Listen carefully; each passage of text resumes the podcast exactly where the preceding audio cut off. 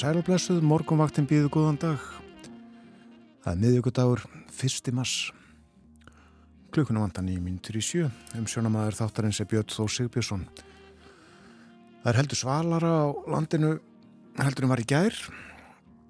Hittin, eh, já, í kringum frostmarkið á landinu sunnverðu. Aðeins lýra fyrir norðan. Einstigs hitt í Reykjavík hægur vindur og uh, skíð fjúrastega hitti á Kvaneri fjóri metrar þar, sunnanott fjúrastega hitti líka í Stikisholmi, létt skíða þar. Fjóra gráður á Patrilsfyrði vestan sjö. Og fjóra gráður í Bólungavík suðvestan tólf þar. Fjúrastega hitti á Hólmavík. Þrjár gráður á Blönduósi 5 stiga hiti á Söðanisvita, 13 metrar. 5 gráður á Akureyri léttskíjað 6 stiga hiti á Húsavík. Hlýjast þar sínist mér þennan morgunin sunnan 3 metrar. 2 gráður á Rauvarhöfn 5 stiga hiti á Skeltingstöðum 3 stiga hiti á Eilstöðum sunnan 4 2 stiga hiti á höfni Hornafyrði og 3 stiga hiti á Kvískerjum en einstigs frost á kirkjubæðaklaustri. Fjórastega frost í Árnesi. Nánast lokn þar. Fimmstega hiti eins og er á Stórhöða í Vestmanægum, söðustan fjórir metrar. Fór í fimm í mestu kvíðu. Og bláar tölur á hálendinu það því frost, einst tveggja þryggjastega frost eitthvað svoleiðis, þryggjastega frost við sandbúðir, 17 metrar þar nokkuð kvast 11 metra við Káranhjúka, einstigs frost. Svona viðraði á landinu klukkan 6 fyrir 50 um, mínútum. Og í hugleðingum segir viðfræðingur, það verður suðlega átt í dag 5-10 metrar á sunnanverðurlandinu 10-15 fyrir norðan, jafnvel kvassara í vindstrengjum við fjöll. Og bjart með köplum í flestum landslutum en þyknar upp eftir hádegi sunnan og vestan til með dálítilli vætu setnipartin og hitti í dag 0 til 6 stíg. Og það verður svipað veður á morgun 50 dag, suðvestlag 8, 8 til 15, hægari sunnan til og viða lítilsáttar væta á morgun en yfirleitt bjart fyrir austan og hitti á morgun 4 til 8 stíg. Það dregur svo vindi annað kvöld. Og fyrst við erum byrjuð á förstu dag og lögadag verður vestlag 8 skíjaða mestu en úrkomi lítið og hitti breytist á lítið vestanlands en það fer að kóluna hægt austan til með vægu frosti á föstudagskvöld. Og snýst svo í norðlæga átt á sunnundag með jæljum fyrir norðan og það voru uh, kólandi veður en léttir að samaskapi til sunnan heiða. Og í næstu viku er útlitt fyrir ákveðina norðaustanátt jél norðan og austan til og frostum allt land En já, hittast ég viða svona rétt yfir frostmarkinu og það er hálka viða á vegum, hálka á helliseiði og í þrengslum, viðar á Suðvestulandi, hálka viða í Borgafyrði og á Holtavörðu heiði, eitthvað um hálkubletti annar staðar á Vesturlandi. Og hálkublettir eru á helstu fjallvögum á Vestfjörðum. Og uh, hálkubletti til dæmis á Dinjandis heiði en rennur vatn viða yfir veg. Hálka er á Vaskarði á Norðurlandi og hálkublettir á stökustad á Norðausturlandi. Þetta eru skeitin sem eru komið frá vegagerðinni. Fólk hafi þetta í huga þegar fyrir á stað ætlið það sér það á annað borð. Ég vona að uh, fólk hafi almennt sofið vel í nótt en uh, stundum eigum við að til að vera andvaka og andvaka heitir eitt lægi sem við setjum nú undir náluna þetta er Flowers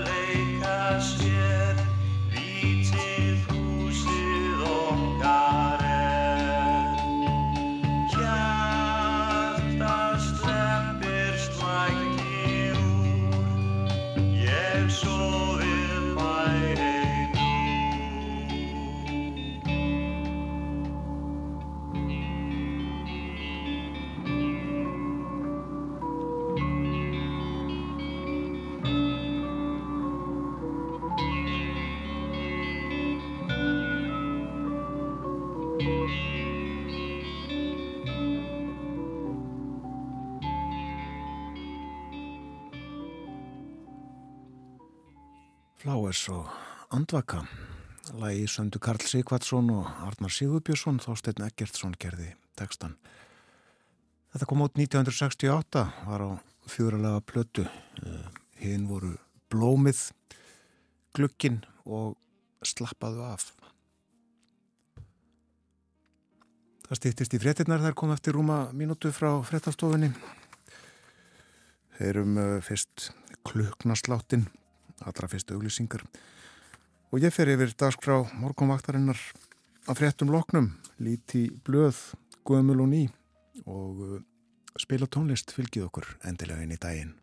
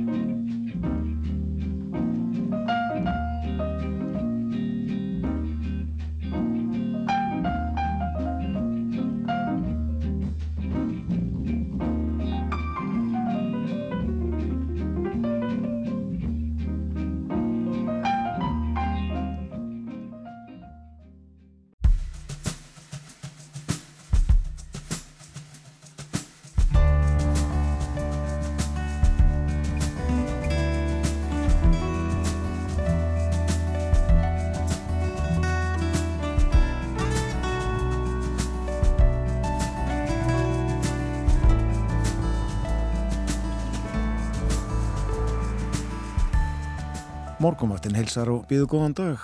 Umsjónamaður þáttarins er Björn Þó Sigbjörnsson. Í dag er miðugudagur, fyrsti mass. Nýrmánuður er hafinn. 59 dagar á árinu 2023 að baki. 60. dagur ásins er í dag og þá eru 305 eftir. Við hlupum yfir 20. og 9. februar þetta árið. Alveg eins og í fyrra og árið þar á undan. En hann kemur á næsta árið, þá er hlaupor. Við heldum nokkuð á 300 manns hér á landi í afmali 20. og 9. februar. En hvað er það? Þau hjá S.A.A.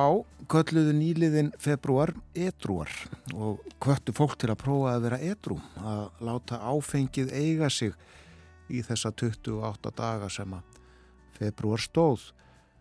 Nú er mass rauninu upp og sjálfsagt er allt í lægi að vera líka edru í mass.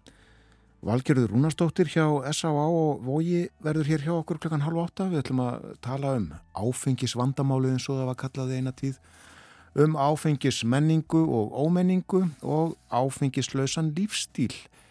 Ég held að sífelt fleiri aðhyllist slíkan lífstíl. Og við förum líka í göngutúr svona í huganum. Við göngum eftir græna stíknum. Hann á að leikja um græna trefilinn. Og hvað er ég nú að tala um?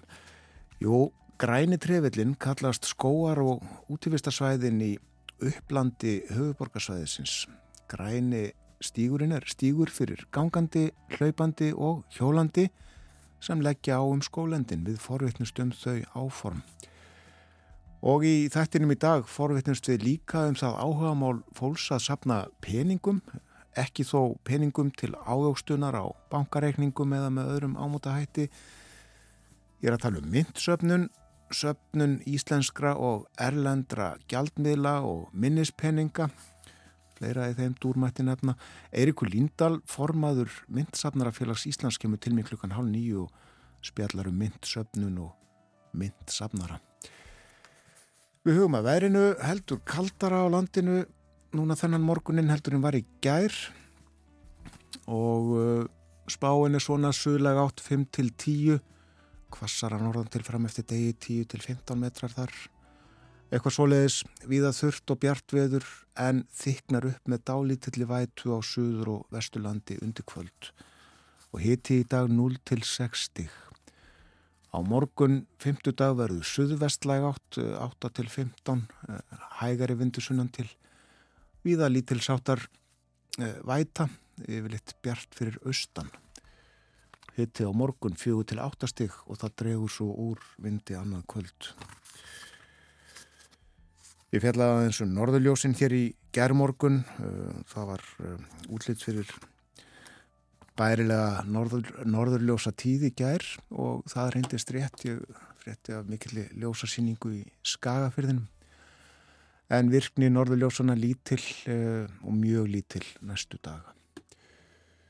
Þegar ég kom út í morgun þá uh, leiti ég yfir fagsaflóan í átta Akranesi og uh, þar mætti mér mánin til tulla lágt á lofti og hann er hálfur fullt tungli næstu viku.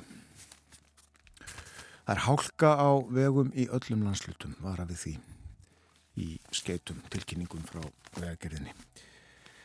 Við lítum í blöðin, byrjum að fór síðu morgunbladsins, eh, myndin þar tekin við Klambratún í gær og á henni má sjá eh, gangandi fólk, eh, nátu á reyðhjóli og til tullu það líti barn kannski einstvekja ára eitthvað svo leiðis á hlaupahjóli.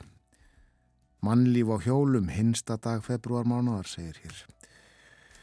Nú, uh, það er líka fjallað um uh, ferðarþjónustuna í uh, verkvalli hótelstarfsfólks og rætt við Elias B.J. Gíslason sem er settur ferðarmálastjóri og hann er að tala um tekjutappið sem hefur orðið í ferðarþjónustu þessa daga sem að verkvallið hefur staðið. Það er erfitt að áalla hvert tapið er, segir hann en tekjumissurinn er verulegur og hleypur ekki lengur á hundruðum miljóna króna, hann er komin yfir miljard.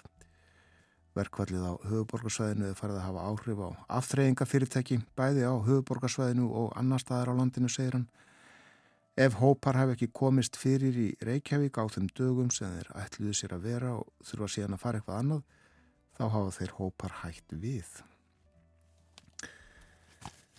Nú, það er líka fjallað um þessa skýslu sem við heyrðum af í speiklinum í gær sem að fyrirtækið Boston Cons Consulting Group hefur gert um uh, fiskeldi ástand og horfur eh, svo maður segja það var rætt við matalar á þeirra í speiklinum í gær hann hér er farið yfir þetta í gróðum dráttum áallega er að framleiðslu verðmæti í fiskeldi og þurrungarækt geti orðið 140 til 430 miljardar króna eftir tíu ár.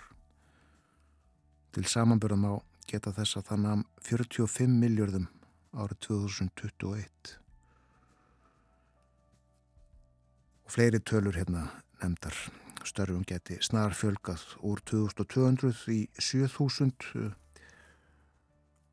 og ítalega fjallaðum þetta í morgunblæðinu í dag. Eh, svo er hér eh, sagt frá því að eh, um miðjan februar þá kom eldur skindilega upp í línubátnum Jakobi, hann er gerður út frá bátsfyrði í norður Noregi og eh, eigandi og skipstjóri er Jón Páll Jakobsson frá Bíldudal. Hann segir ótrúlegt að hafa komist frá borði en það hafi aðeins liðið nokkra mínútur frá því að reykur uppgötaðist í myndavélakerfi bátsins og þar til að hann var aðlelda. Og hann lýsir þessu uh, þetta er það vesta sem að getur gestum borði í skipi segir hann að, að komi upp eldur, maður verður frekar lítill þegar þetta gerist, segir hann en uh,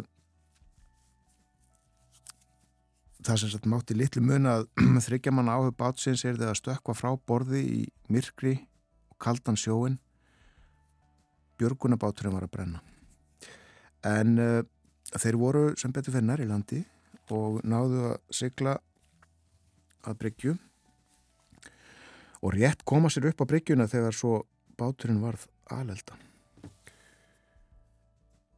Jón Pál skipstjóri segi frá í morgunblæðinu í dag.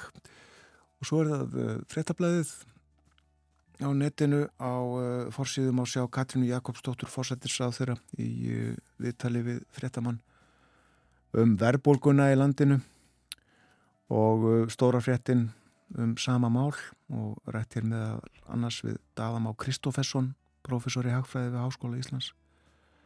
Hann segir skrítið að ríkistjórnin sé ekki að bregðast við erfiðri stöðu á húsnæðismarkaði, deilum á vinnumarkaði og háum verðbólgutölum.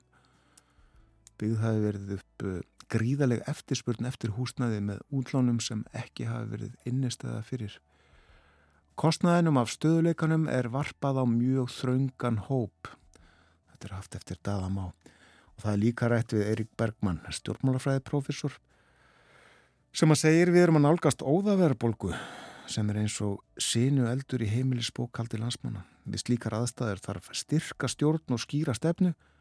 Það getur verið flókið þegar þú ert með flokkaði ríkistjórn sem vilja fara í sikkura áttina. Þetta var það helsta úr blöðunum þennan morgunin og uh, lítu við þá næst í uh, dagbókina en uh, ég sé þar að 1. mars árið 1940 fyrir 83 árum þá laugloks rakningum fimm manna sem að velstöðu um í ölduróti og köplum brjáluðu veðri í 12 daga á báti úti fyrir Reykjanesi og lengst af voru þeir án matar og vass og þeir voru blöytir og kaldir Þeir horfðu á skipsikla framhjá án þess að þeim væri gefin gömur og þótt fólki þeirra í landi og landsmenn allir heldu í vonina þá voru þeir taldir af enda umfangs mikið leit með öllu áranguslaus þá að því talið standa kraftaverki næst að á ræki að landi snemmaða mátni fyrsta maður 12 dögum eftir að þeir létu úr höfn og 11 dögum eftir að báturinn varð aflmanna. En vélbáturinn Kristján hafði heimahöfni Reykjavík en var róið frá Sandgerði og lust eftir miðnætti 19. februar þá helt áhöfnin í róður og allt var með hefðbundum hætti. Fimm voru um borð, Guðmundur Bæringsson formaður, Kjartan Guðnason vélamaður og hásettarnir Haraldur Jónsson, Sigurjón Viktor Fimboasson og Sigurdur Baldur Guðmundsson. Fjórir þeirra voru á aldrinum 32 til 34 ára en Sigurdur Baldur var tvítur. Í ægi þetta sama ár 1940 uh, var byrt samantækt á þessari rakningasögu og úr henni ætla ég að lesa þess hér á eftir en grípum fyrst niður í fréttir úr dagblöðunum þar sem að skýrt var frá stöðu og gangi mála og byrjum á alþýðiblaðinu 20. og 1. februar Velbátt frá Reykjavík vantar í Sandgerði sagði fyrirsokna á forsýðu og fréttin Vélbátinn Kristján híðan úr Reykjavík sem stundar róðra frá Sandgerði hefur nú vantaði tvo sólarhinga. Kristján rýri aðfaranótt mánudags og mun hafa lagt lóðir sínar um klukkustundar syklingu út af Sandgerði.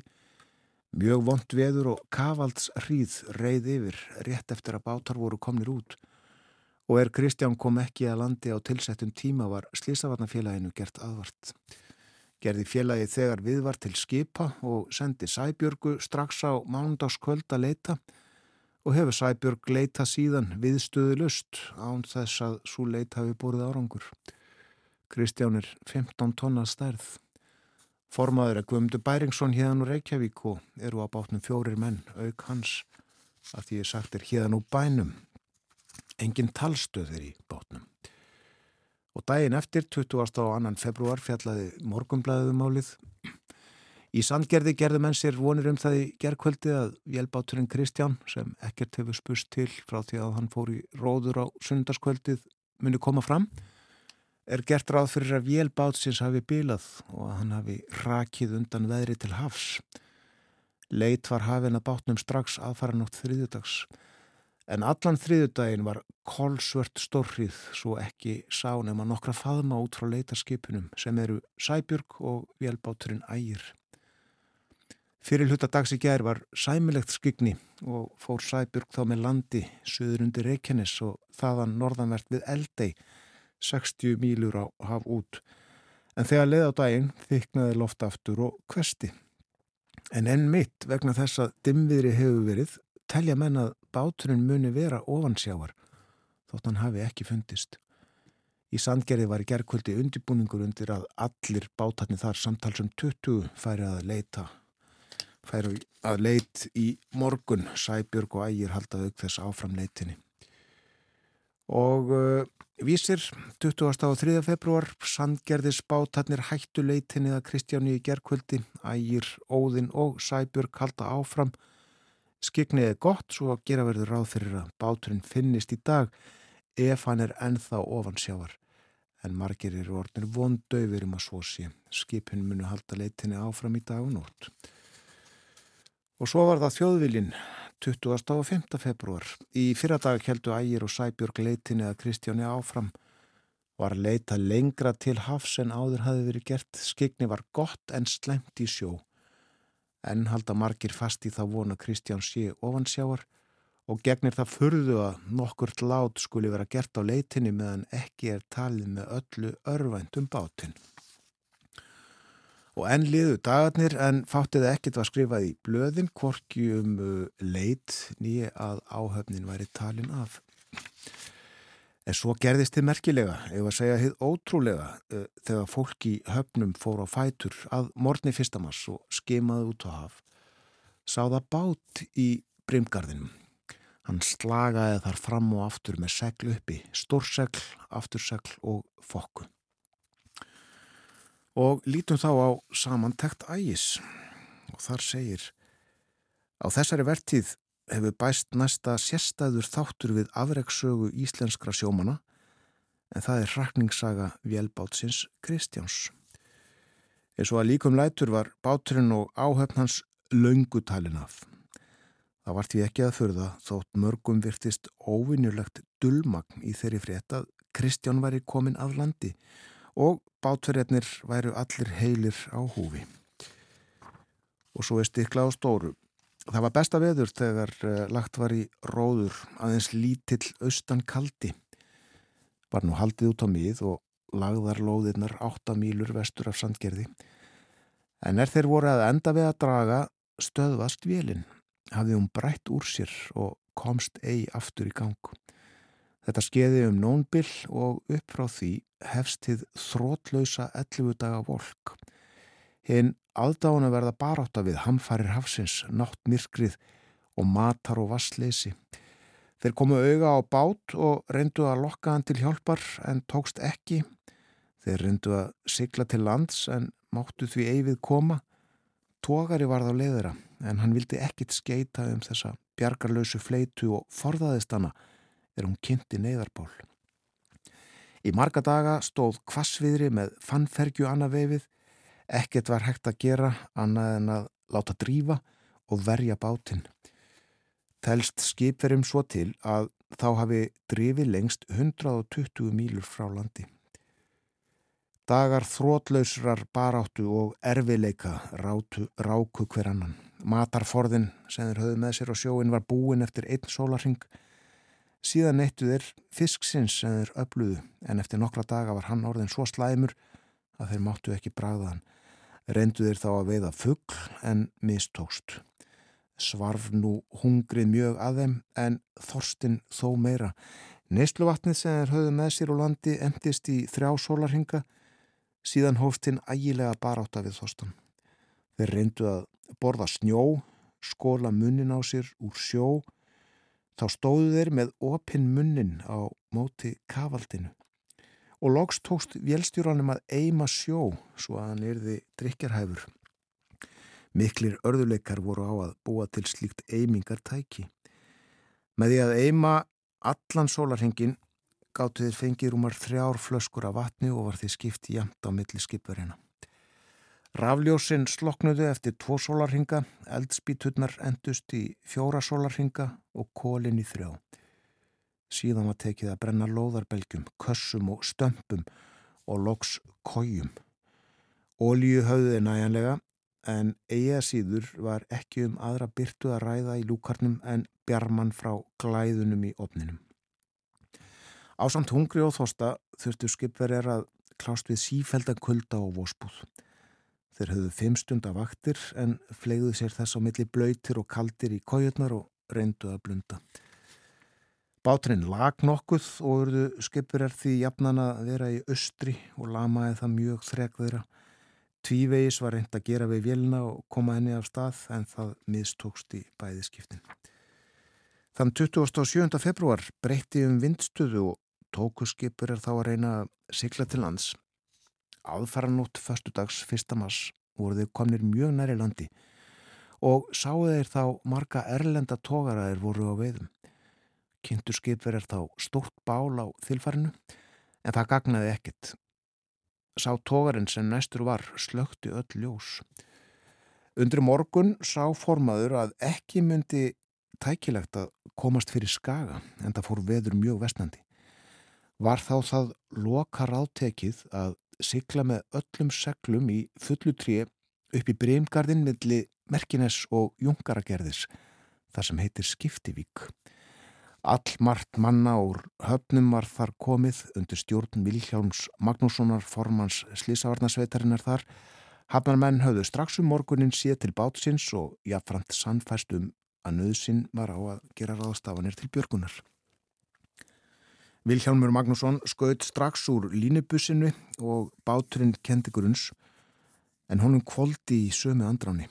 Höfðu skipverjar þá allir flekt sér í sjóin, náði eitt þeirra í línu og bjargaðist á land á henni en hinnum skólaði öllum upp í brimgarðin í flæðamálunu og tóku hafnamenn þar á mótið þeim með mikill í dyrsku og vaskleik.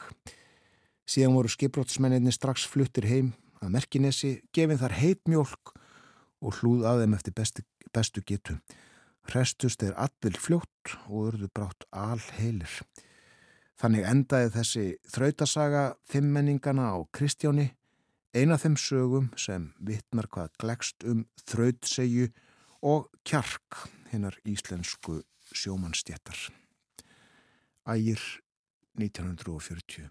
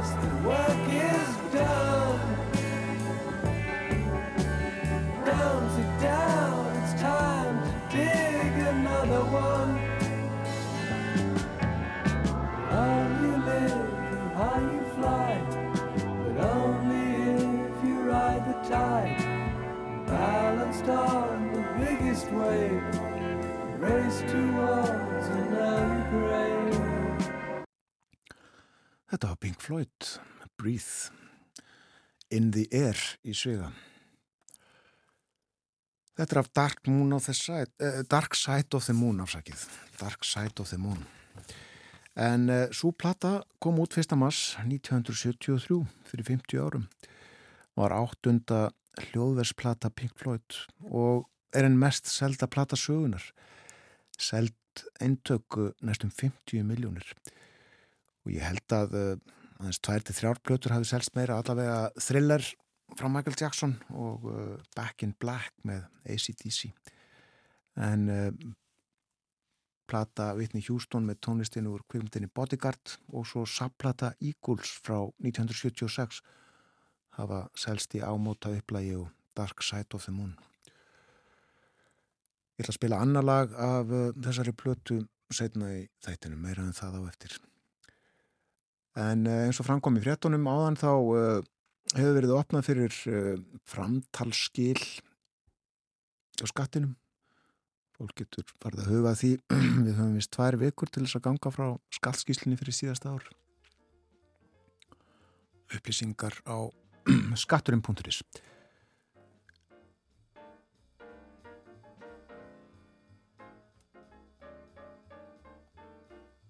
Við fylgjumstundum með byrðastöðinni hjá Ólís í eh, verkvalli bílstjóra í ólíudreyfingu og uh, síðustu tölur frá því um miðdegiskaffið í gert og það er gullt ástand víða. Það þýðir klárast á næstunni.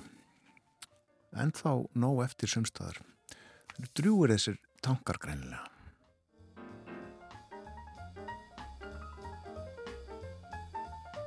Það er vona á Valgerði Rúnastóttur lekni á vogi þáttinn. Við ætlum að tala um edru líf eins og stundum er sagt líf án áfengis.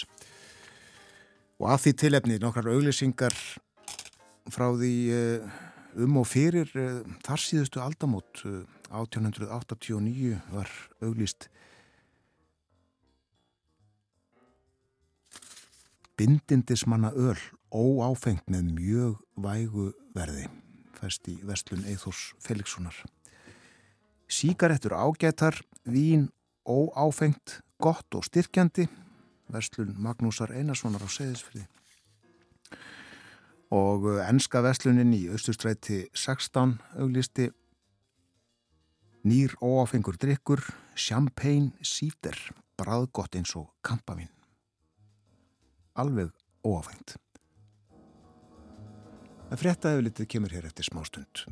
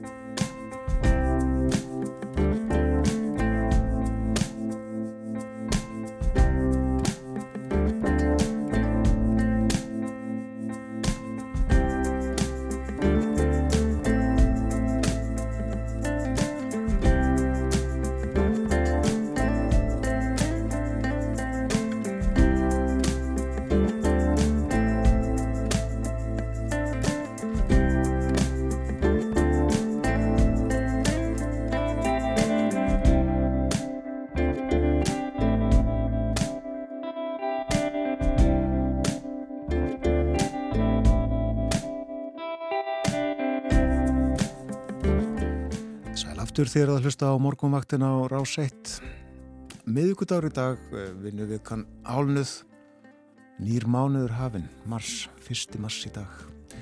Klukkan núna réttliðilega hálf átta. Veðurhorfurnar eru svona það verður suðlega átt 5-10 metrar á sunnanverðurlandinu kvassara fyrir norðan 10-15 eitthvað soliðis jafnvel kvassara í vindstrengjum við fjöll. Bjart með köplum í flestum landslutum þyknar upp eftir hádegi sunnan og vestan til með dálítilli vætu setnipartin. Og hiti 0 til 6 stig. Verður aðeins hlýra á morgun 4 uh, til 8 stig og uh, veðrið aðurleiti uh, svipað á morgun eins og það verður í dag. Og það er hálkað um all land í öllum landslutum og nefndir ymsir vegir til dæmis er hálka á helliseiði í þrengslum á Mósfellseiði, það er hálka víða í borgarfyrðinum á Mýrunum og Bröttubrekku, einnig á Holtavörðu heiði og uh, halka á vestfjörðum, öllum helstu fjallugum þar. Hálkublettir á Dinjendisheiði til að mynda, það er hálka á Vaskarði, hálkublettir á Stökustad á Norðausturlandi, hálkublettir í Breiðdal fyrir austan og víðar á Austurlandi. Og hálka í uppsveitum Suðurlands. Flughálka er á Þorláshafnarvegi. Þetta var um hálku og uh, veður. En uh, nú ætlum við hins vegar að tala um áfengi hér á morgunváttinni, um uh, bæði hódrykju og áfdrykju. Við ætlum að tala um hver ríkur uh, uh, þáttur áfengi er í lífi margra og hver stóran þátt áfengi spilar í félagslífi okkar. Uh, en við ætlum líka að tala um líf án áfengis, um áfengislausan lífstíl. Þannig er að S.A.A. kvatti landsmenn til að prófa að vera edru í nýliðinum februar. Edruar var mánuðurinn kallaður og þótt nú sé komin mars þá er líklega ekkit að því að prófa að vera edru. Hér er Valgerður Rúnarsdóttir, forstjóri í sjúkrahúsins Vox, velkomin í þáttin. Já, takk fyrir. Áttar þig á því hvort uh, margt fólk tók áskorun ykkar og let vínið vera í februar? Nei, ég bara get náttúrulega enga megin átt að mig á því. En þetta var svona, þetta var jákvæð skilabóð held ég. Já. Hver er svona hugsunin á, á bakvið það að hvetja fólk til að vera edru í einn mánuð? Já, þetta er nú, þetta er nú margi mánuðir ársins sem fá svona alls konar hlutverk hjá okkur og þetta hérna, og það er full ástæða til að hafa einn edru mánuð, um, það er bara, kannski vekur okkar aðeins til umhugsunar. Ég held að við séum svolítið, kannski, uh, já, ekki að hugsa nú mikið um um þetta, um áfengið og, og af hverju við erum að drekka það og hversu stór hluti það er í, af lífinu. Og sjálfsagt að svona til að bara til að vekja til umhugsunar. En það eru hérna sko það er náttúrulega við vitum það í dag að áfengi er, er aldrei holdt en það eru þetta ekkert mjög óholdt að drekka lítið af áfengi. Þannig að við gerum nú margt óhollar en það sko. Þannig að þetta er, er ekki hægt að segja að það sé mjög óholdt að drekka lítið af áfengi. En En það er aldrei holdt og það er aldrei til bóta og, og svo er bara mjög stórluti hérna fólk sem að er með, sem að hefur reynir skada af því bara að drekka áfengi. Já. Er áfengi ekki hjartastyrkjandi eins og sem þú var sagt? Nei, það er vist bara búið að taka það frá okkur. Svo við sem drekkum ekki, við erum ekki að missa af neinu, það er mjög jákvæmt.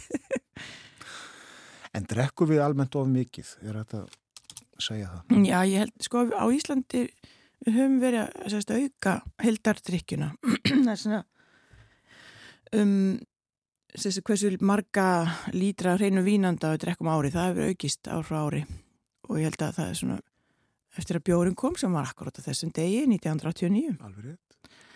Um, þá hefur breytist svolítið minnstri hjá okkur og það er eins og, við, eins og endur speklast til dæmis það sem við sjáum hjá þeim sem koma á vók að það eru fleiri sem er að drekka svona staðaldri að fá sér á kvöldin flesta daga vikunar eða kannski fjóra daga vikunar því það er nefnilega flesti dagar sko fjórir eða fleiri að það, það, það var kannski ekki svo mikið um það hér áður en núna er það orðið meiri hluti að þeir, þeim sem koma vegna áfengisvanda eru að drekka bara flesta daga fá sér eitthvað og við það breytist líka svona álægi á líkamann og livurinn hún finnur fyrir því og fólk er sem sagt að valda sér meiri svona líkamlegum skada en kannski er þetta svona lúmskara svona þessi drikja, það tekur kannski ekki eins eftir henni held, uh, hugsa ég, sko með að við kannski að, ef að minna um svona pillir í og læti. En, en þessi sínisla hún er náttúrulega verður þeir upp í staðið mjög skadaleg sko og tekur líka margt, margt frá fólki sem að ætti að vera góðu standi en er það ekki sko. Já, Já með þetta byrtist öðruvísi þegar fólk er eh, bara heima hjá sér í rólega hittunum að fá sér nokkra sjúsa heldur hann að vera á fyllir í út í bæ. Já, svona öðruvísi og þessi bjóra auðvitað drikja, hún sérstaklega margi kannski líti ekki á það beint sem áfengi. Auðvitað veit fólk hvað er áfengi en finnst þetta, já þetta er bara bjór en einn sterkur bjór sem er svona stór eins og hálfu lítri. Það er bara hérna eins og getur verið alveg hérna einn og hálfur uh, sterkur drikkur, jafnvel tveir eftir því hvaða er stert sko. Þannig að þetta er, ég held að fólk sé ekki alltaf, alltaf átt að segja á því sko. Þannig að að áfengis prósentans í mjög lág þá blekkir það í rauninni? Já, hún er ekkert mjög lágendilega alltaf, hún getur verið yfir 5% og 6% þannig að það er nú heil mikið sko. Já, en það lítur alltaf verið út við 40% sko sem að Já, þessi sterku vín eru. einmitt, en það er líka, það, það er bara að drekka meiri vögva og pissa meira, en verð kannski saman magna áfengi. Já, Mhm. já. Já, uh, drikjan hefur aukist. Uh, kantu samanburð við aðrar svona hefðbundnar samanburða þjóðir? Sko við vitum það bara frá upplýsingum í Evrópu að, að það hefur dreyið mjög úr, úr drikju til dæmis í Frakland og Ítalju, svona heldardrikju, bara á síðustu áratugum og það, en við hefum svona verið að fara upp á viður líka uh, skotar, uh, austur-Evrópa, en það er svolítið mismunandi eftir Evrópulöndunum en sko heimsálfan Evrópa drekkur helmingi meir en aðrar heimsálfur. Svo áfengi er svona, það, þetta er okkar mál hérna í Evrópu svolítið. Eh, Þannig að þetta er hluti af okkar menningu og, og þess vegna get, getur þetta verið svolítið svona tilfinningalegt mál oft að tala um áfengi en áfengi er auðvitað ekkert venilegt eh, efni sko, þetta er auðvitað mjög skadilegt efni, það veldur skada, Já. veldur krabba mínum, það veldur, það afsakið, ég heldur um vatn. Já, allt í lagi.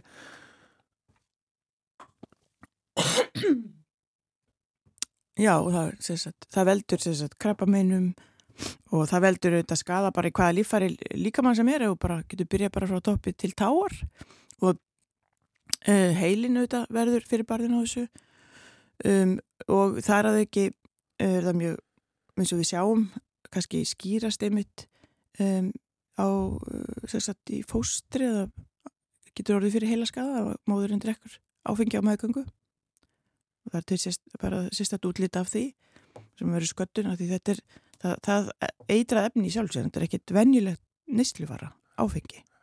Fyrir utan svo bara áhrifin sem eiga að vera svo góð sem eru náttúrulega eftirsoknaverðu þessi vímu áhrif og, og slökunin og það sem að fylgi því að það er auðvitað líka uh, skadlegt vegna þess að það hérna hefur eins og þeir þekkja sem að hérna, hafa prófað að drekka þetta veldur svona svæfingu hérna í ymsu staða í heilanum bæði sljór og dofin um, far kannski blakkátt og drekkur og mikið tímaskinnið, sásökaskinnið og bara dómgrindin undir áhrifum, alltaf ekki dæðlileg og kannski fyrir að taka slæmar ákvarðan að kera bíl og svo framvegis þannig að það er mjög margt sem að hefur hérna, sem þetta getur haft skadalega áhrif á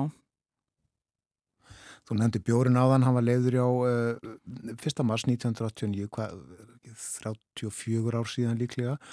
Sko þá var rætt um, uh, deilt um hvort bjór myndi hafa jákvæða neikvæð áhrif á það sem kallað er áfengiskúltúr þjóðarinnar. Hver, hver er þín skoðun á þeim málum í dag? Ég veit það ekki. Það, hérna, það er má örgulega segja að eitthvað hafi sagt, verið jákvætt við breytinguna en ég, ég hérna, held að það sé nú ennþá samt mikið af fylliríum og fólk er að nota líka önnur efni með áfenginu, ofta örfandi efni þeir sem eru svona að detti í það og fara á djammið eins og að segja sagt er, margir að nota amfetamin og kókain og örfandi efni með. Þannig að það er nú ekki farin eitt en, en það getur vel verið að það sé önnu menning, hins vegar það sem er augljóst sem að hefur batnað hjá okkur og við erum auðvitað ættum að vera mjög ána með og passa upp á það er þessi, þessi jákvæða breyting sem hefur orðið á ungu fólki og, og drikja úlingadrikja og neysla almennt séð bara miklu miklu minni. Og við dreyjum úr því alveg statt og stöðut frá aldamótum. Færri ungir sem eru í vanda og grunnskólanir til dæmis að þetta er þegar ég var ung var bara drukkið þá í, í efstu bekkjónum en það er ekki lengur eins, það er bara alls ekki eins. Og nýgut eða tópaksreikingar alveg farnar út og, og allt svo leys en því miður þá er komið annað fíkni efni en nýgutín púðarnir sem að hafa fengið af valsum og, og það lítur nú ekki sérstaklega vel út með dreifingun á því og það er orðið ansi, ansi útbreytt það er mjög ánættjandi Já, já. Þú er ágjörð til líka? Já, ég ágjörð því Já. að því það er eiginlega að ef maður hugsaður um þennan sjúkdóm sem ég er nú að sinna sem að er, er fíksjúkdómur að hann uh, sem er nú alls í algengur kannski 15-20% er með hann og ennþá fleiri kannski ykkur minna mæli en að lang, lang flestir lang, lang flestir hafa nota fyrst nikotín eða á sama tíma eins og þau byrja að nota áfengi eða önnu výmöfni, nikotín er alltaf með næstu því alltaf. Þannig að þessi lága prósenda reykinga í samfélaginu, hún hefur ekki verið sama lága prósenda meðal þeirra sem kom í meðferð, hún er miklu herri Já. Og núna eru samt fleiri, uh, færi sem er reykja síkartur en, en, en það alveg bætist upp með þessum gríðalegu nótkun á nikotínbúðum og það er, og það er eh, mjög hátt nikotínmagg sem fólk notar, mjög hátt sko og er með þetta í, í vörinni bara fleiri klukkustundir á sólarhing heldur en færri. Allan liðlanga daginn eða vel? Já. Tengist áfengisfíkn og, og nikotífíkn? Já, það ger það. Og, og maður veit ekki hugsaðlega einhver líka orsaka tengsla milli en þetta, þetta tengis klárlega og þetta er náttúrulega líka áhættu, áhættu þættirnir sem við vitum eins og bara upp sagt, hérna, lífræðilegu áhættu þættir eru líka sömu þannig að er þetta tengis klárlega. Það verður aðeins verið slaka á fyrirkomlagi e, áfengisölu. Núna með að minni brugghús selja bjór og það er hægt að kaupa áfengi í íslenskum netvæslunum sem eru heimlisvesti í útlöndum, hafa starfsemi hér. E, Sumir vilja en þá, það er nú kannski ekki verið mikið talað um það síðustu vikur eða mánuði missar ég að leifa áfengisölu í verslunum eða koma á fót einhvern sérverslunum eða áfengi er eh, bein fylgni milli aðgengis og neyslu. Já, það er eitthvað sem bara likur fyrir og þannig að það er stæsta og mesta áhrifamesta forverðin er að minga aðgengi að hvaða vöru sem þú vilt minga neyslu á og það á við um áfengi svo sannarlega. Við sáum þetta mjög vel auðvitað með síkareturnar sín tíma þegar það er hægt að vera svona aðgengilegar Já. og vera til sínis í búðinu og allt þetta. En um, þannig að það yfirvöld hafa mest um það að segja hvernig aðgengi er stýrt. Þannig að þeir hafa svona forvarnir í hendi sér. Um, uh, þannig að auki aðgengi það þýðir sko það er eins og til dæmis ef það er lagra verð eða það er lengri opnatímar og fæst á fleiri stöðum og, og fleiri svona hérna aðgengilegra, að, meira aðlaðandi eins og við bara sjáum, við þurfum ekki að gera hana en bara kíkja á útlitið á flöskunum eða nöfnunum og allt þetta, þetta er auðvitað gríðarlega hérna góð söluvara og, og, og mikið lagt í þetta að gera aðlandi sem að er náttúrulega þá auki aðgengi. Og, og maður skilur það að þeir sem ætla að selja vöruna sína gera hana fallega og aðgengilega og höfða til ungsfólks og allt þetta. En, en hérna reglur í kringu það að það er gera mest gagn þegar uppi staðið. Og það var eitt svolítið merkilegt sem við sáum í, hérna, í þessu COVID-tímabili hjá okkur um, að við uh, þessi allar þessi, þessar hömlu sem við viljum náttúrulega alls ekki hafa sérst, skert aðgengi að því að fara og fá sér þetta í það að hitta vini og hafa gaman og fá sér í glas eða hvaða er sem maður vil gera að það auðvitað var mjög takmarkað aðgengja því. Það var enga, engin partí og engin þjóðtíð og brúkup og allt þetta, skólaböll og, og við sáum alveg hérna á þessum tveimur árum þá dró mjög mikið alveg uh, 20% eða meira sem að dró úr eftirspurn fyrir meðferð á þessu tíma. Það, og, það, og þeir sem ekki voru sérst að sækjast eftir meðferð það voru þeir sem voru sérstætt yngre en 40 ára. Yngra fólkið kom síður og, og þetta var þá þetta, svona, þetta var ekki skert aðgengja meðferðinni, það var sama þetta er fyrir ungt fólk og fyrir fólk sem har komið fyrsta skipti. En það var bara minni eftirspurn. Og voru færri sem þurft að koma, færri sem voru óska eftir að koma meðferð á þessu tíma. Þannig að þessi, þessi ælu, leiðilu hömlur þar höfðu þó þessi jákvæð áhrif. Já, já, en En við viljum auðvitað ekki lifa þannig samfélagi. En þetta segjar okkur samt svolítið um hvað, hversu svona stýringin getur haft áhrif á neyslu. Mm. Og þá afleiðingarnar um leið. Þannig að, en þetta var svona tímabundið. En sérsagt yfirveld hafa þetta í hendi sér að hafa stýringu á því hvernig, hversu aðgengilegt áfengi er. Og við þurfum líka að tala um að hvernig efnið þetta er, sko. Þetta er ekki vennilegt efni. Nei, eins og fórst yfir á hann. Já. Ég sá haft eftir þér, ég sá nú bara fyrirsögna að, að, að, sko, stýtting vinnuvíkunar hefði áhrif á áfengisneslu. Já, það voru ekki mín orð, sko. Það var, Það var hérna fréttamaðurinn sem stakk upp á þessu. Já, Og ég, hérna, ég hafði bara ekki hugsað út í það. En ég býst við því að ef maður fengi fjö, ekstra fjóra dag í viku og, og hefði mjög gaman af því að drekka og myndi eða mestu tíma í það, þá fær maður alltaf auka tíma í til, til þess. Kannski er það erfiðara fyrir ykkur, en, en hinn hliðin á þessu COVID ástandi var það að þeir sem voru með vanda af áfengis fíkn og og voru nú í þeirri aðstöðu að fara ekki vinnuna, að vera heima vinna bak við tölviskjá og, og minni félagslíf og minni skildur sko að mörgu leiti sem að þetta standa við fyrir suma og jafnvel erfileikar missa vinnu og svona að þessi hópur hann varð miklu verri þannig að þeir sem voru að koma til okkar með áfengisfíkn sem var fyrir að og voru í þessu munstri að dre- drekka heima að þeir bara voru eh, miklu vera á sér komni við það bara að koma í meðferðina. Þannig að einangrun hafi mjög slæm áhrif á þann hóp. Áfengi er mjög víða og það er, ég bara viðtekið á alls konar viðbörðum og samkomum við margvísli tilefni, það er mjög ríkur hluti af félagslífi margra. Uh, Já, Er þetta áhyggjöfni? Hvernig, hvernig við svona sem samfélag lítum á áfengi? já ég, mér finnst sko, kannski er það bara eitthvað kringum mig, en mér finnst þarna bara heilmikið lagt upp úr því að, að hafa skemmtanir eða fólk hvari saman að gera skemmtilega hluti á þess að nota áfengi. Já, þú tekur eftir því. Ég já. tek eftir því, ég, ég, hérna, það mér finnst ekki mikið svona í kringum mig allavega og mér er svo sem, ég er sem ekki að taka sérstaklega eftir hva, hvort fólk er að drekka eða ekki, en mér finnst það bara mjög mikið þannig að þarna, ég held að það sé svona meiri svejanleiki og, og fólk svona hafi meira val heldur en áður, það var kannski meira svona, þeir voru lítir hotnuga sem voru ekki að drekka, en ég held að það sé bara alveg frelsi til þess í dag fyrir ungt fólk, að það sé ekki svona mikil pressa að það er allir að fá sér eða vera með sko en kannski er það ekki rétt hjá mér og kannski er þetta mismunandi eftir hópum.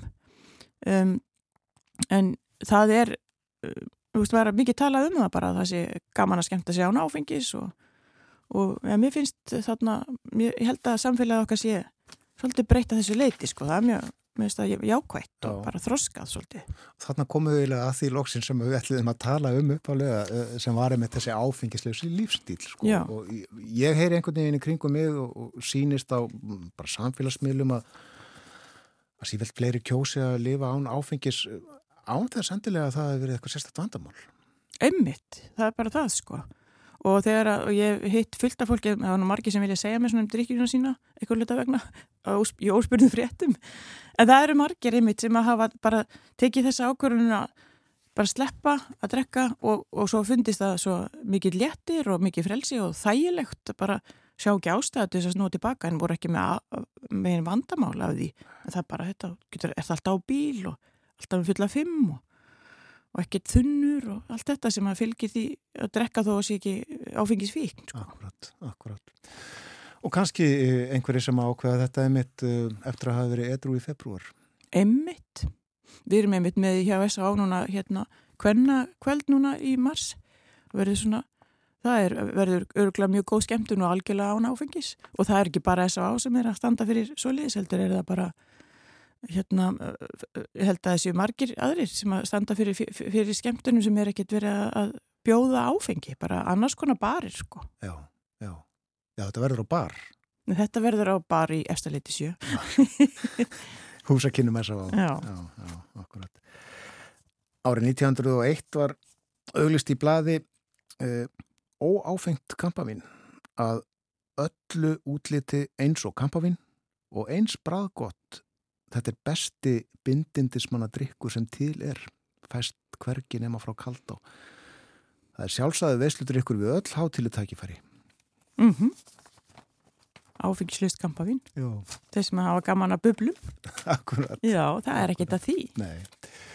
En það er svona langt síðan sko að, að markaðsettar voru einmitt vörur fyrir fólk sem ekki vildi áfengi. Já, það var auðvitað mikið bindindi stemming hérna í fyrirlita sístaldar. Það var áfengis bann og svo voru, var bindindis hreyfingin. Þannig að hérna, og það, það, er, það má ekki vera skammalegt að aðhyllast hana sko. Við erum ekki bindindis hreyfingi að þessu á auðvitað en, en, en hérna það bara, það er jafn velkomið eins og hitt sko. Akkurat. Eh, hér í blálókin, þú nefndir aðeins eh, ásóknuna í meðferð og vogi í, í kórnuveru faraldrinu, hvernig er staðamála í dag? Eru langi bygglistar? Já, það eru, þeir hafa nú verið lengri áður þannig að er, við erum að sinna mörgum og vel.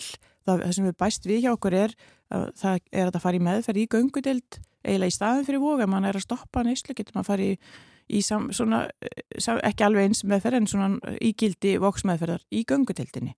Svo lýsa, það tekur stóran kúf en ég veit að það eru um 500 mann sem eru leiðin í meðferð til okkar og fólk býður, flesti býða ekki mjög lengi, við, við höfum alveg ágætlega undan en auðvitað er þetta alltaf, alltaf lungbið samt fyrir stóran hóp því miður en eftirspunnin er talsett mikil og miklu meiri en við önnum Það er alltaf þannig eiginlega og hefur, hefur verið. Já, það drefur ekki úr því. Það drefur ekki úr því. Þakka þið fyrir að koma í þáttum valgerður. Já, takk fyrir að bjóða mér. Spjallum áfengið, vítt og breytt og uh, áfengislausan lífstíl. Valgerður er forstjóri sjúkrósins voks og frangatastjóri lækninga þar. Margi titlar sem, sem, sem er skeitt aftan við nafnið eitt. Fyrir þess að lítlu konu. Njóttu dagsins. Takk fyrir. Og það stýttist í frettinnar kom eftir fimm minútur. Við fáum uh, fyrsta auglýsingar eftir frettir. Þá ætlum við að tala um græna trefilinn og græna stíin. Meira en það á eftir. Og svo melli hálf nýju og nýju myndsöfnun. Það er góður hópu fólk sem að sapnar myndum gömlum á myndaleg söpn. Eirikur Líndal er formaður myndsapnarafélags Íslands. Hann verður með okkur.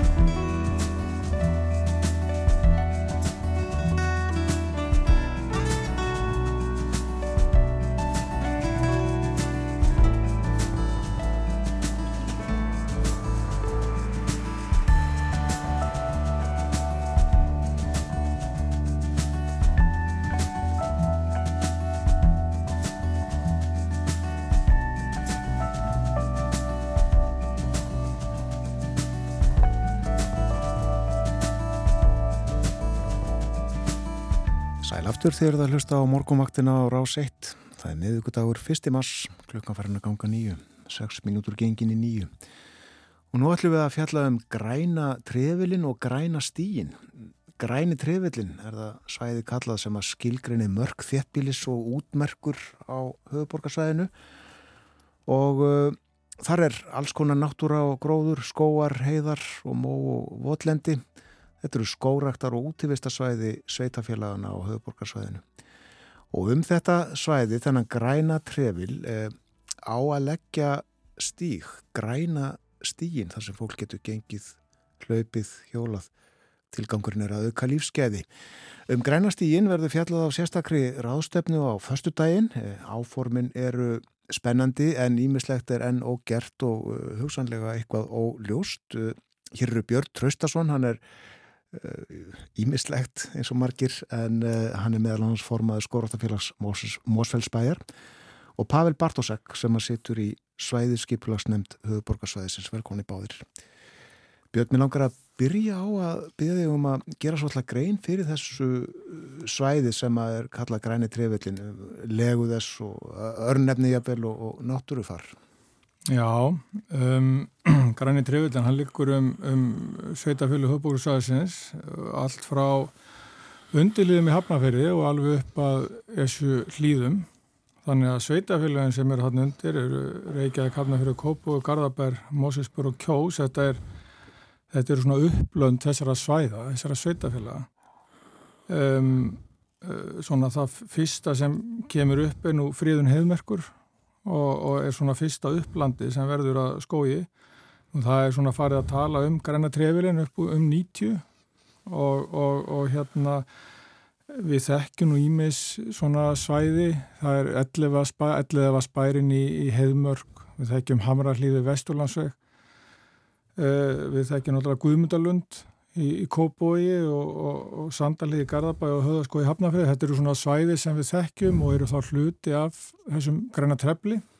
Og, og uh, síð, þannig að, að þetta er svona heldasvæðið og, og, og uh, það er náttúrulega býstna mikill skóur á þessu svæði og, og hefur náttúrulega aukist mjög mikið síðustu ára, ára tví. Já, en ekki bara skóur, þannig eru líka mýrar er það ekki og melar og hvaða nú er? Jújú, jú, og einmitt og allskynns og hérna því hún nefnir nú græna stíin, hann mun þarna einmitt fara í gegnum sko, fjöl þetta náttúru bæði, bæði hérna, skó og, og, og svæði á milli skóa. Já, akkurat.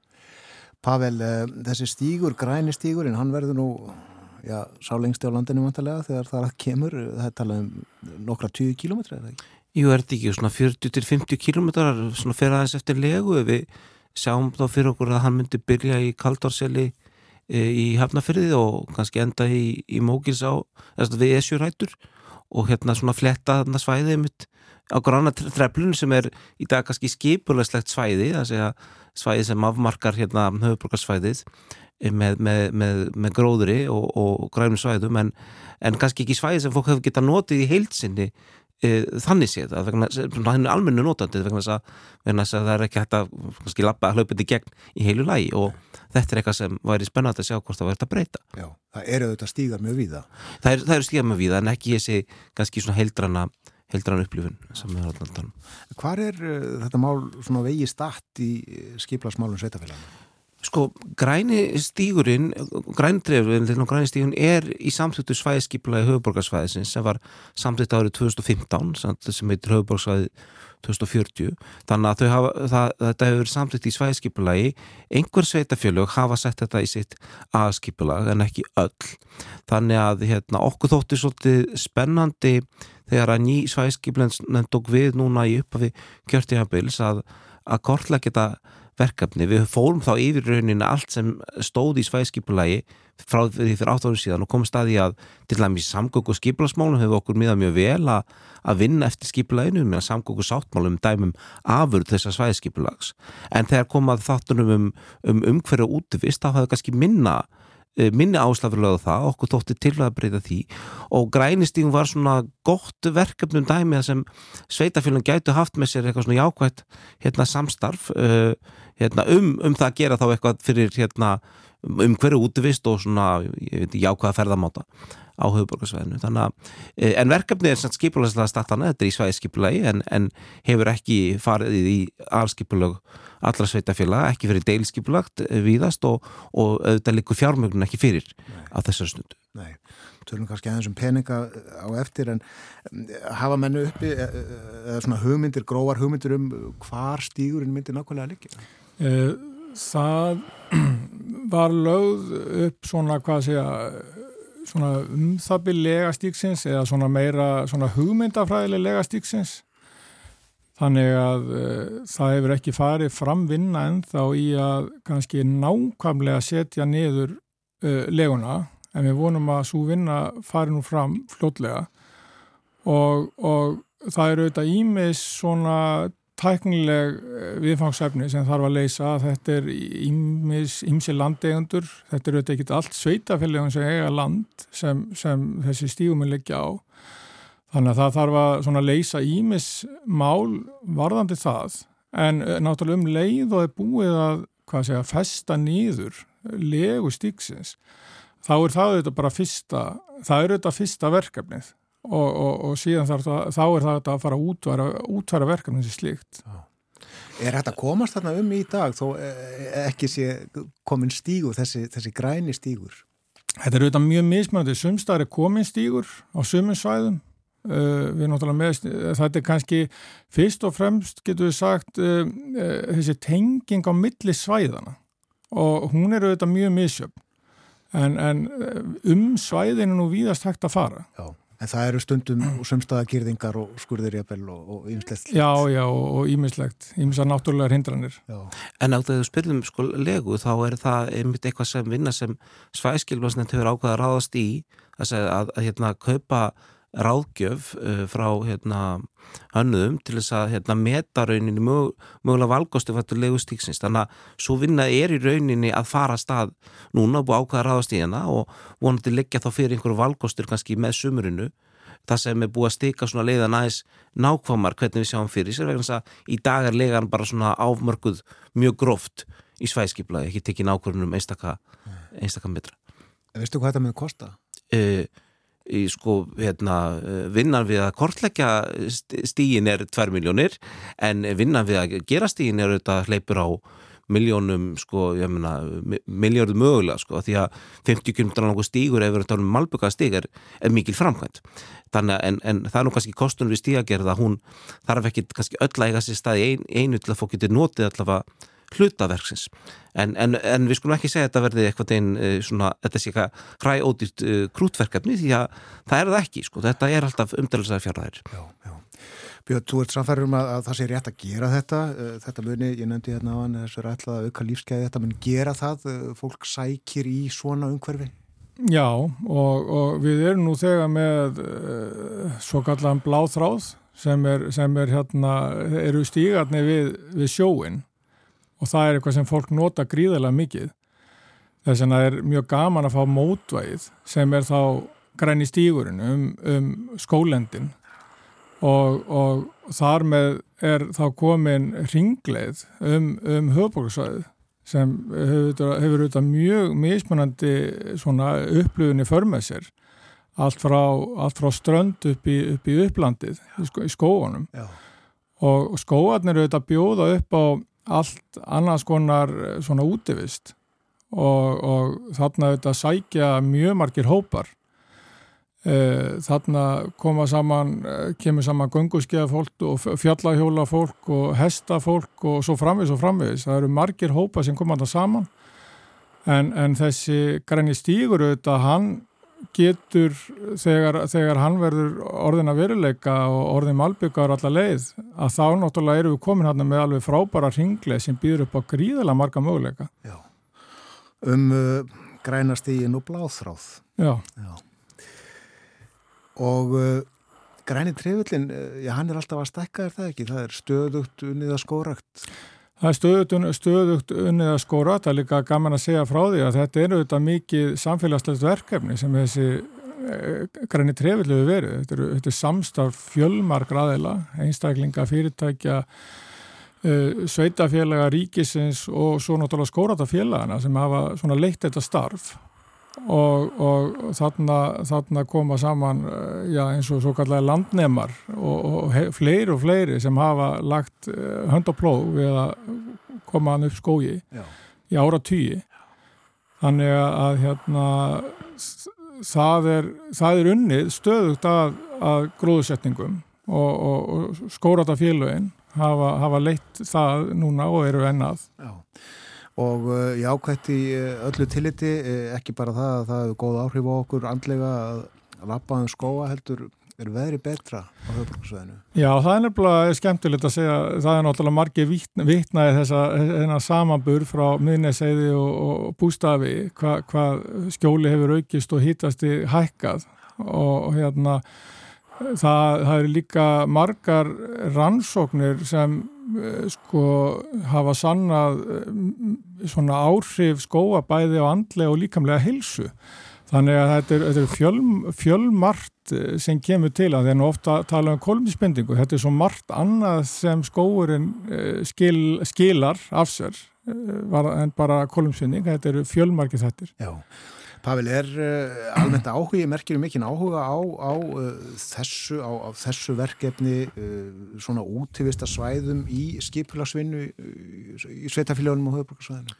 Já, við höfum allavega ákveðið sko að eins og ég kannski sagði áðan að við, þegar við, við rýndum svæðskipulagi þá komist að okkur hafi á fyrstu árum þess gengið mjög vel ef þetta komi hrindi í framkvæmt þeim áherslan sem snýru að samgöngum en núna sé kannski svolítið tímið þess að fókusara á þetta, fókusara á, á grænusfæðin, fókusara á helsu og, og útivist. Og mér finnst þetta allavega með að við hvernig hefur hérna, gengið að skipleika þannan fund sem skóraktin hefur nú svona kannski svona tekið þetta hérna, mest að þátt í þó svo að svæðskipland komið þar að líka. Menna við erum búin að fá hérna, uh, Sigurð Inga til þess að koma og held að þar tölu og, og bæjastjóra á höfuborgsvæðinu þess að bæjastjóra sem liggja Um, sem myndur þá taka þátt í þessari stíagerð þannig að við það þá finnst mér svona vera komið smá skriðþung í það sem ég vona haldi áfram því að það, þetta skiptir máli, þetta er verkefni verður ekki gert með nefna góðum bóluskum vilja. Nei, akkurat.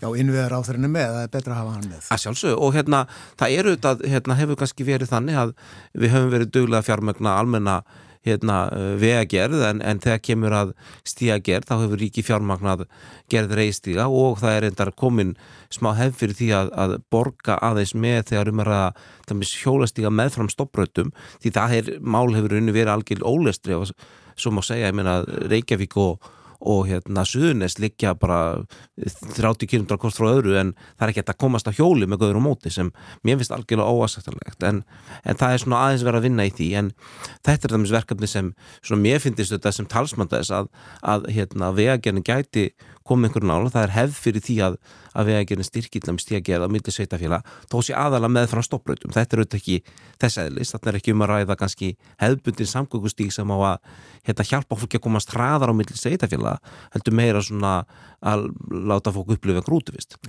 Björn, þið fengu fjölmart fólk til þess að tala á, á þessum fundi á fyrstæðin? Já og, og, og þessi hópur mun nefnitt svona takla á mörgum mismunandi þáttum þessa græna stíks og, og Þráinn Haugsson, hann er nú verið sá sem hefur kannski komið lengst að þessari vinnu við græna stígin og græna trefilin, hann, hann verður hérna með svona erindi og það sem hann fer yfir stöðu málsins og, og, og, og söguna. Þráinni mig talaði um uh, græna trefilin uh, fyrst þegar ég allavega sá þetta á prenti á tímaritt.is, það var 1994 Akkurat, sko. grein í morgunblæðinu og þar, þar var þráin. Ennmitt. Nú, svo ætla Pavel að vera með erindi og Katrín Haldásóttir uh, frá viðagerðinni, hún ætlar að tala svona um stíga og, og einmitt vegagerinn eins og Pavel segir er, er með svona ákveðnar lausnir þetta varandi það. Uh, svo fáum við umferðaverkvæðing Albert, Albert Skarpjensson, hann ætlar að tala um, um umferðavenjur og annað slíkt í kringum svona þessa notkun sem er á, á græna stígnum og svo fáum við spennandi frá Silgu Dögg Sigurjónsdóttir, hún er líðhelsusfræðingur og, og þá fáum við svona þann hérna, þá áherslu og, og, og hérna, sem verður mjög gaman að heyra og, og svo log, svona síðast eirindi verður svo auður kjartanstóttir, Frankvartastöri Skortafélags Reykjavíkur, hún ætlar að fara svona yfir þá græna stígin út frá sjónarhólu Skortafélagana sem hafa nú kannski verið eins og ég segi þessir, þessir eh, líkil aðilar í uppbyggingu græna trefilsins. Já, og því fáið nánaða sal hjá Arjónbonga. Það passar. Og, og, og þessi hérna og rástefna verður fyrsta mars. Það er ennþá þetta skrá sig á skráningar þriða mars? Fyrir, fyrir ekki, þriða mars. Og hérna þriða mars og, og skráningafresturinn er eh, hérna til dagsins í dag. Það er ennþá þetta skrá sig á, á skráningarskó.is og hérna verður millir 1 og 5 Það er einmitt það Þetta eru já 40 kílometrar uh, verða uh, eins og þetta lítur út núna. Uh, það verður auðvitað ekki þannig að þú þurfir að, að hérna, byrja á öðrum endanum og ganga að hinnum. Það, það þarf að vera hægt að koma inn á þennan stíg mjög víða er það ekki? Jú, sko ég kannski ekki tekið dæmi frá hérna minni gömlega heimaból sem til Postan í Pólandi sem er með mjög áþægt verkefni sem er hjólahringur í kringu postan sem er 173 km hringur en frá honum ganga úr miðbænum átta raunir svona flegar eða átta stígar sem eru tengistígar innan á hring þannig að það er mjög algeng kannski að fólk sko fari úr miðbænum hjóli eftir einnig svona pítsusneið eins og við kallar það að hjóla satt úr miðbænum að stíknum, taka hluta hringnum og svo tilbaka. Þannig að þetta er þetta, viðst, og við erum þetta með þannig stíga í dag, ég meina, fósfagstígun er kannski dæmi um svona græna fleig sem hérna hendar mjög vel að fara inn á stígin og við þurfum þetta nokkra svona til þess að fólk geti hérna notið stíksins að hluta til. Já, svo þarf þetta greiðasölur er það ekki á svona, við svona stíga? jú, jú, jú. og það er einmitt eh, grænu hliðin sem, sem er mitt talaður um sem eru með þessir á, bæði áningastæðir og, og áfangastæðir eh, hérna, uppafstæðir og, og alls konar inn á, inn á stígana. Og, og hérna, við þekkjum það náttúrulega sumstaðar, þeir eru komni sumstaðar eins og Gummundalöndi en það þarf þá að byggja upp í inn, á, inn í þessa, inn í þessi grænu hlið sem er þá hluta af þessum fleigum sem Pavel talar um, þess að tengi leiðir og það á hvert sveitafélag sína svona aðal tengileið inn í græna stíin. Já, Björn, ef ég eh, ákvæði að fara í eh, göngutúr eh, eftir háti, lappa kannski í svona klukkutíma innan græna trefilsins, með hverju mæluru? Hvert á ég að fara? Já, það er náttúrulega bara fyrir allt eftir hvar þú ert en, en það er náttúrulega stutt fyrir þig að að eh, skreppa til dæmis, eh, já ekki, það er nú ekki svo langt fyrir að fara upp í heimurkina sko. Ha, það er að skapla skemmtilegt svaði til dæmis. Já, það er eftir að lappa hana lengi lengi og sjá alltaf eitthvað nýtt. Já, já, já. Pavel, ertu dölur að lappa um skólendin á höfbruksvæðinu? Ég verði saman auðvitað að lappa um heiðmörkina, já. Og hérna heiðmörkina kannski og kaldraselið hafnafyrir þau svæði sem ég duglastu verið að hérna, að, hérna, að heimsækja þannig að já, sæmilega mætti að sjálfsög gera meira En þú Björn, er þú aðalega í Mósalspennum? Ég er nút um allt. Ég, og er kannski þessi típiski já, ég er kannski þessi notandi sem mun uh, nánast fara í uh, svona flestar þess að flesta útvista möguleika, göngúskiði, hjól, hlaup og, og, og göngur. Þannig að hérna, ég er spenntur yfir þessu Svona í ykkar eh, viltustu martröðum eða ja, draumum bara, hvenar eh, verður grænistígunin fullgerður? Já, mjög, mjög vond að spöra stjórnmálunum því, en hérna, það fer auðvitað allt eftir því hérna hver mikið stemninga fyrir verkefni og hver mikið um fjármálunum, en að sko svona stígar hægt að gera á 6-10 árum ef áhugin er fyrir hendi myndi segja, við tökum dæmið um sambæla framkvæmt sem er kannski, sem við þekkjum Reykjavík, sem er stígurinn sem líkur frá Æsju og upp í hérna Rauðvatn, sem var svona hugmynd sem beist var sett fyrst í kringum 94 og var nokkuð deginn fullbúin um aldamótin. Þannig að þetta er svona stærðagráðan ef að, að viljinn fyrir hendi. Já, Björn, 6 ár 7 ár, 8 Já, segjum það, segjum það. Þakka ykkur kellega fyrir að koma á morgunvaktina. Takk. Sem neðis Pavel Bartosek og Björn Tröstason um uh, græna trefilin og uh, græna stíin og fundin uh, í húsakinnum Arjón banka við Borgatúnið á förstu daginn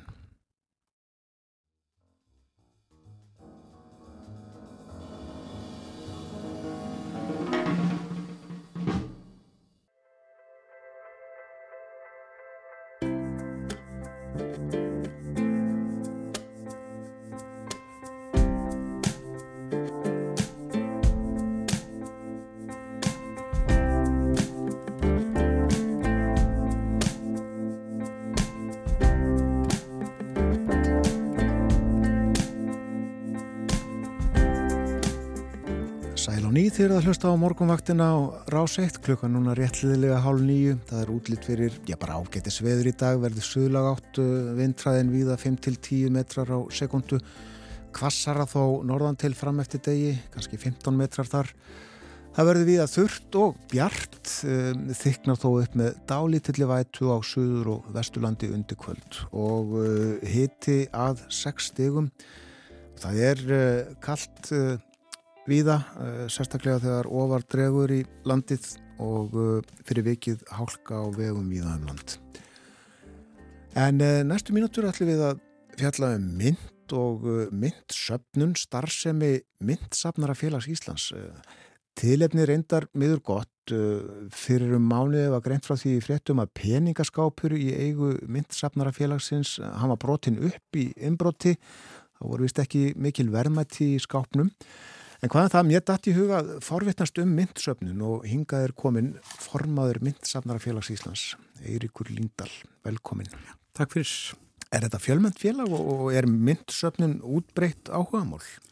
Já, myndsöfni er tölur útbreytt og um, félagsmenn, félagi var stopnað 1969 og um, síðan þá hefur fjöldi félagana verið nokkuð mikill yfir 200 og félagatalan hefur haldist nokkuð stöðug, stöðug og í dag eru við tæblaði 300. Já.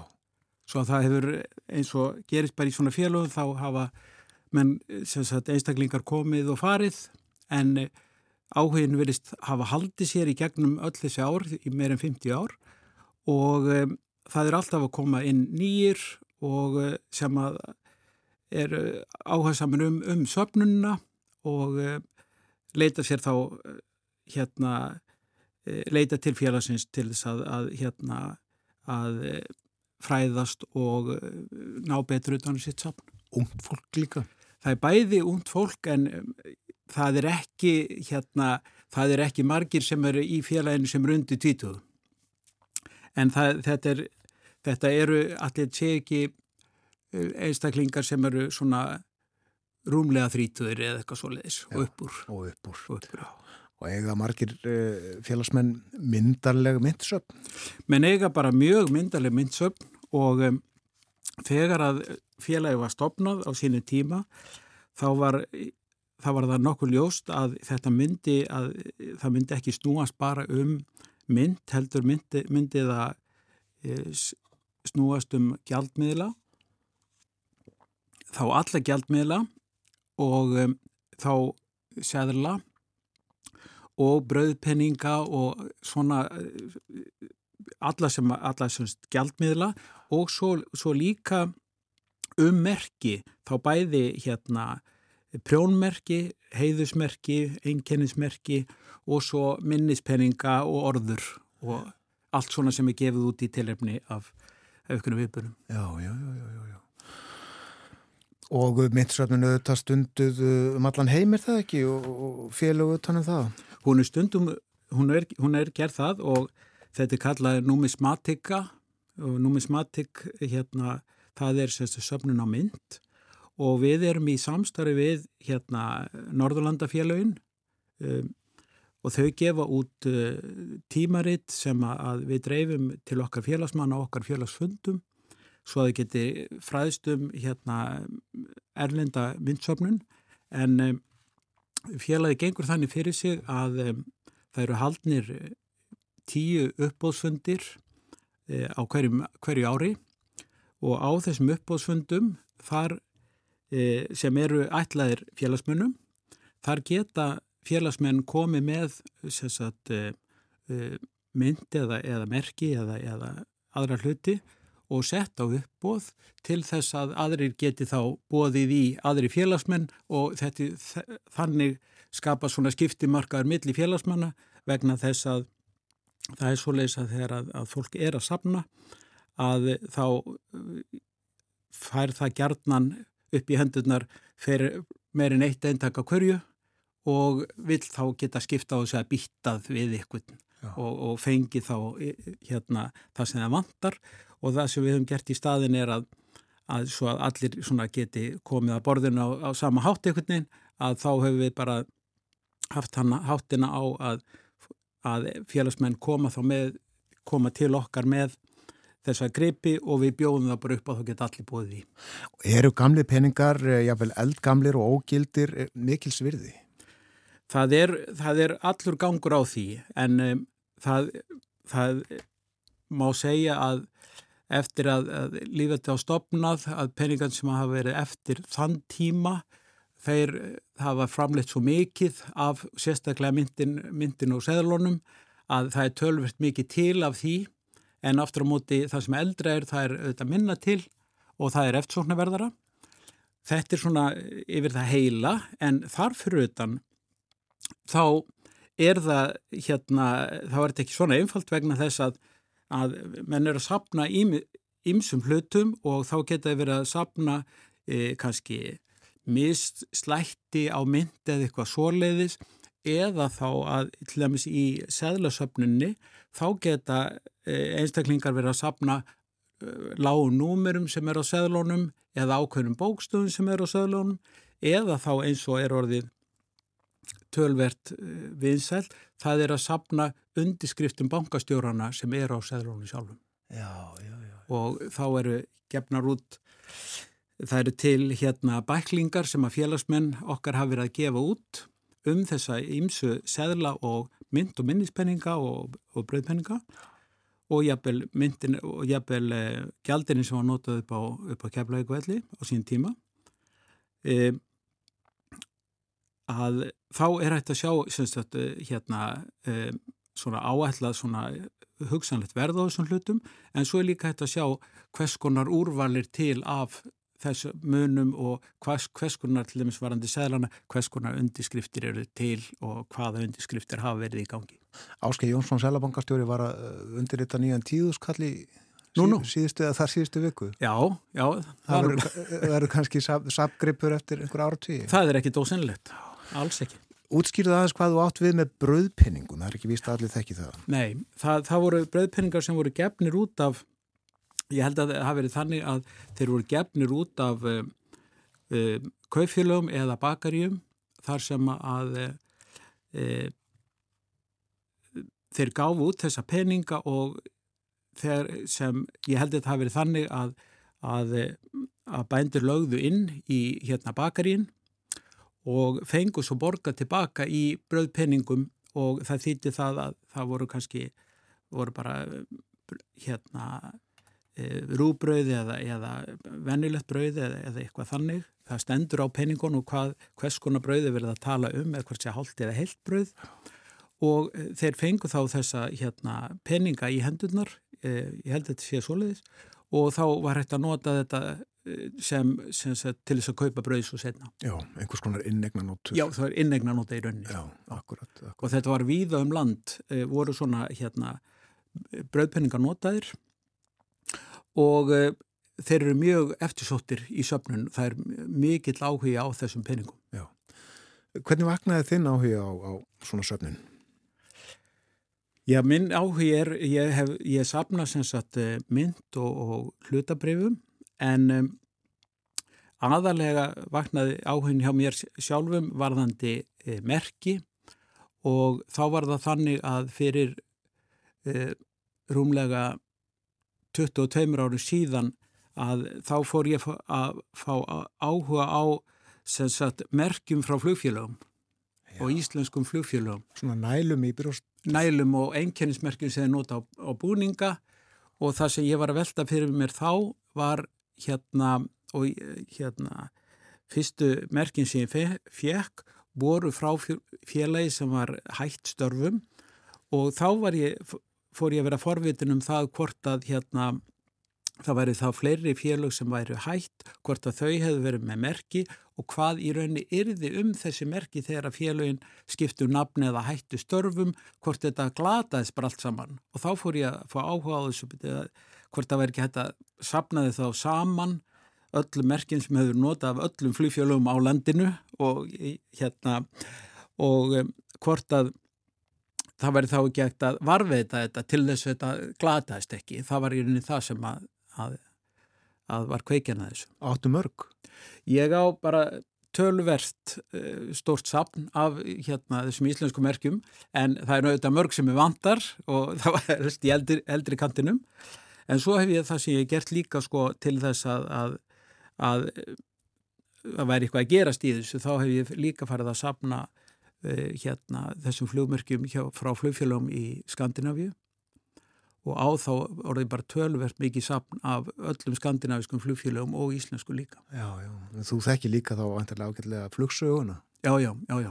já, já það, hefur, það, það, það fylgir myndsöfnunni og þessari söfnun allri að það er eitt að, að sapna hlutunum og hitt er það að, að hérna, vera búin að fá þá en það leiði til þess að flestir fara að vera forvittnir um sögur hlutana, vilja kynna sér betur um hérna sögu greipana sem þeir eru með, hvort sem þeir eru merki eða mynd og fara að reyna að fræðast meira og meira um hvernig hlutin eru gerðir úr hvaða efnið þeir eru og til þess að fá svona sögulegt samhengi varðandi hlutina vegna þess að þá er þetta miklu skemmtilara. Já, en eru svona merki eins og þú sapnar eh, sem tengjast flýinu, eru þau ennþá gerð? Áttu frá Play og Nicer til dæmis þessu nýju flugfélögum? Já, já. Þau gera svona? Þau gera það og, og það eru flest flugfélög e, hafa haldið sér við það að vera með einkennismerki vegna þess að e, þau sem hafa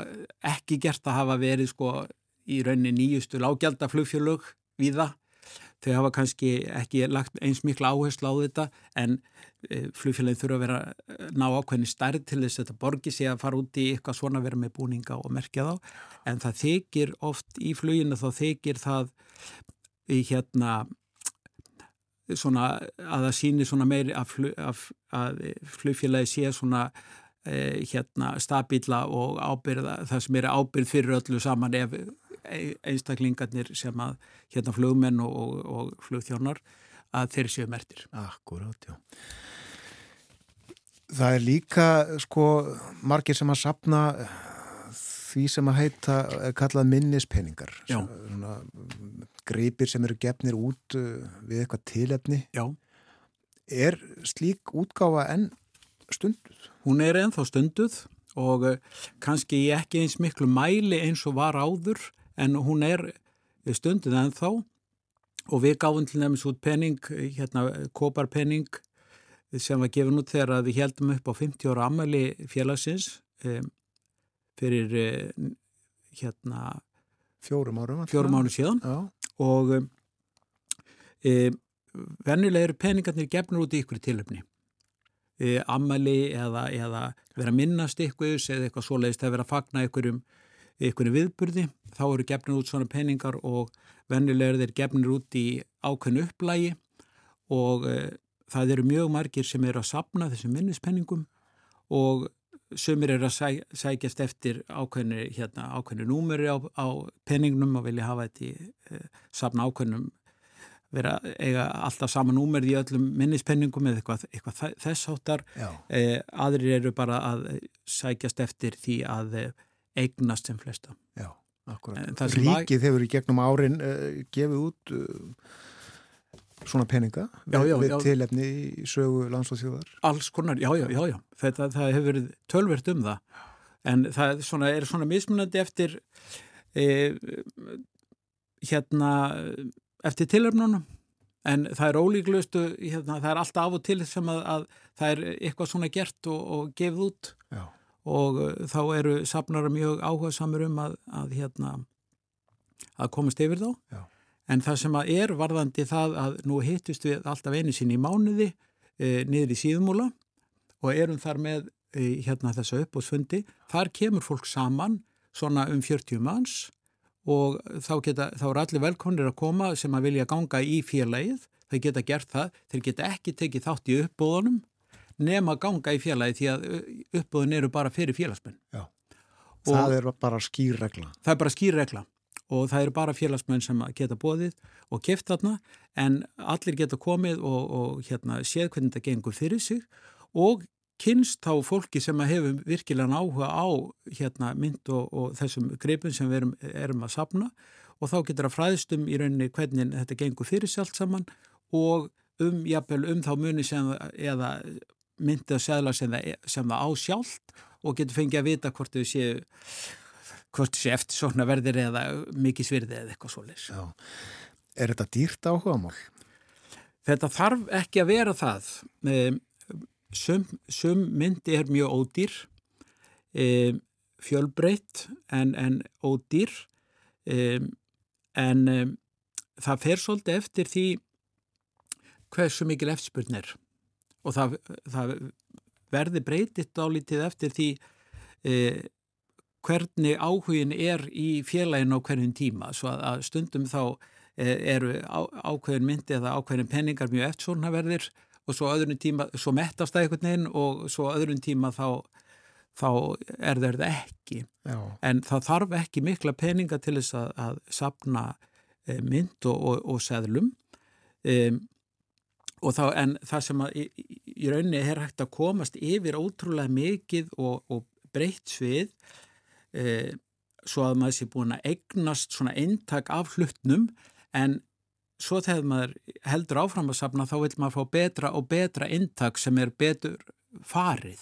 Því að með seðlarnir þeir verða þvældir með tímunum og, og ég, þessi gömlu seðlar þeir voru brotni saman og þá sér maður alltaf brotin í seðlunum og þá er þeir ekki eins eftir svona verðir eh, og ekki eins hérna mikið svirði svo að, að hérna ef þú átt svoleiðis gamlan seðil sem er marg brotin saman eins og gömlu 500 kallandi voru til dæmis að þá reynur, reynur að komast yfir betra eintak og þá viltu losna við hitt eintakið og betra eintakið er þá dýrara en þetta sem er þvældara já, já. og það er þannig sem að, að, að þetta getur kostað meira með tímanum. Sko. Hvað kostar uh, gammal túkall vel með farin? Já, það er erfitt að segja, sko, hann kostar nú ekki mikið en uh, þetta, eru, þetta eru ekki... Þetta næri ekki þúsund grónum held ég sko. Nei, nei. Svo að, en svo er, svo er annað í þessu að það eru til, sko, varandi túkallin að það voru framleitir, ég held að hafi verið einhver mistök að þeir voru mistykkir og það er, taland um túkallin, þá var það þannig að, að það er til þykkir túkallar sem voru hérna framleitir, ég held fyrir mistök lítir eiginlega vera að þeir eru þingri og þykri en, en, en vennli túkallin og þeir eru meira verði. Svo, það er alls konar svona það er alls konar svoleiðis og það er hægt að finna alls konar smáatriði sem að, að safnar eru búin átt að sjá að, að eru ekki á í, sagt, eru kannski í, á sömum penningum en, en ekki á öðrum og þá er það orðið eftir svona verð að því að það er fágetara Þetta er það sem gerir þetta svo skemmtilegt Þa, Það gerir það sko. Þakka ekki helga fyrir að koma. Í þáttina og gaman að hitta þig og spjallum myndsöfnun Eirikur Þakka ekki helga fyrir bóðið Eirikur Lindaler, formaður myndsafnara félags Íslands. Og við hlustum á lag, uh, við ætlum að hlusta á Money með Pink Floyd, uh, ekki uh, út af þessari tengingu við peningana heldur vegna þess að í dag eru 50 ár hálföld síðan að Dark Side of the Moon kom út Money.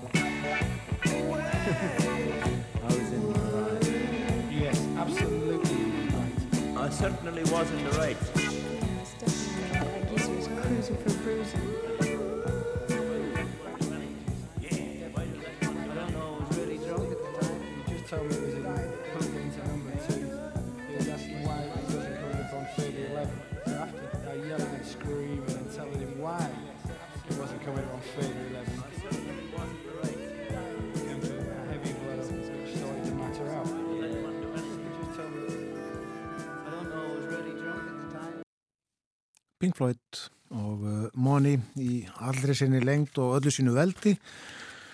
Fóð mikið fyrir gítasólónu þarna. Ég held að þau takki lengri tíma heldur en sungið er í læginu og það er nú sjálfgeft en uh, Dark Side of the Moon kom út 1. mars 1973 fyrir 50 árum. Og uh, það er einn uh, svona helsta plata rocksögunar og þriðja mest selda plata sögunar, las ég einhverstaðar. En þættinum er lokið, klukkan alveg að verða nýju, fréttir framöndan, þátturum verður á sínum staði í fyrramáli og þá verður með mér Birnir Þór uh, Bói Ágússon. En ég þakka samfélgina í dag, verið sæl og njóti dagsins.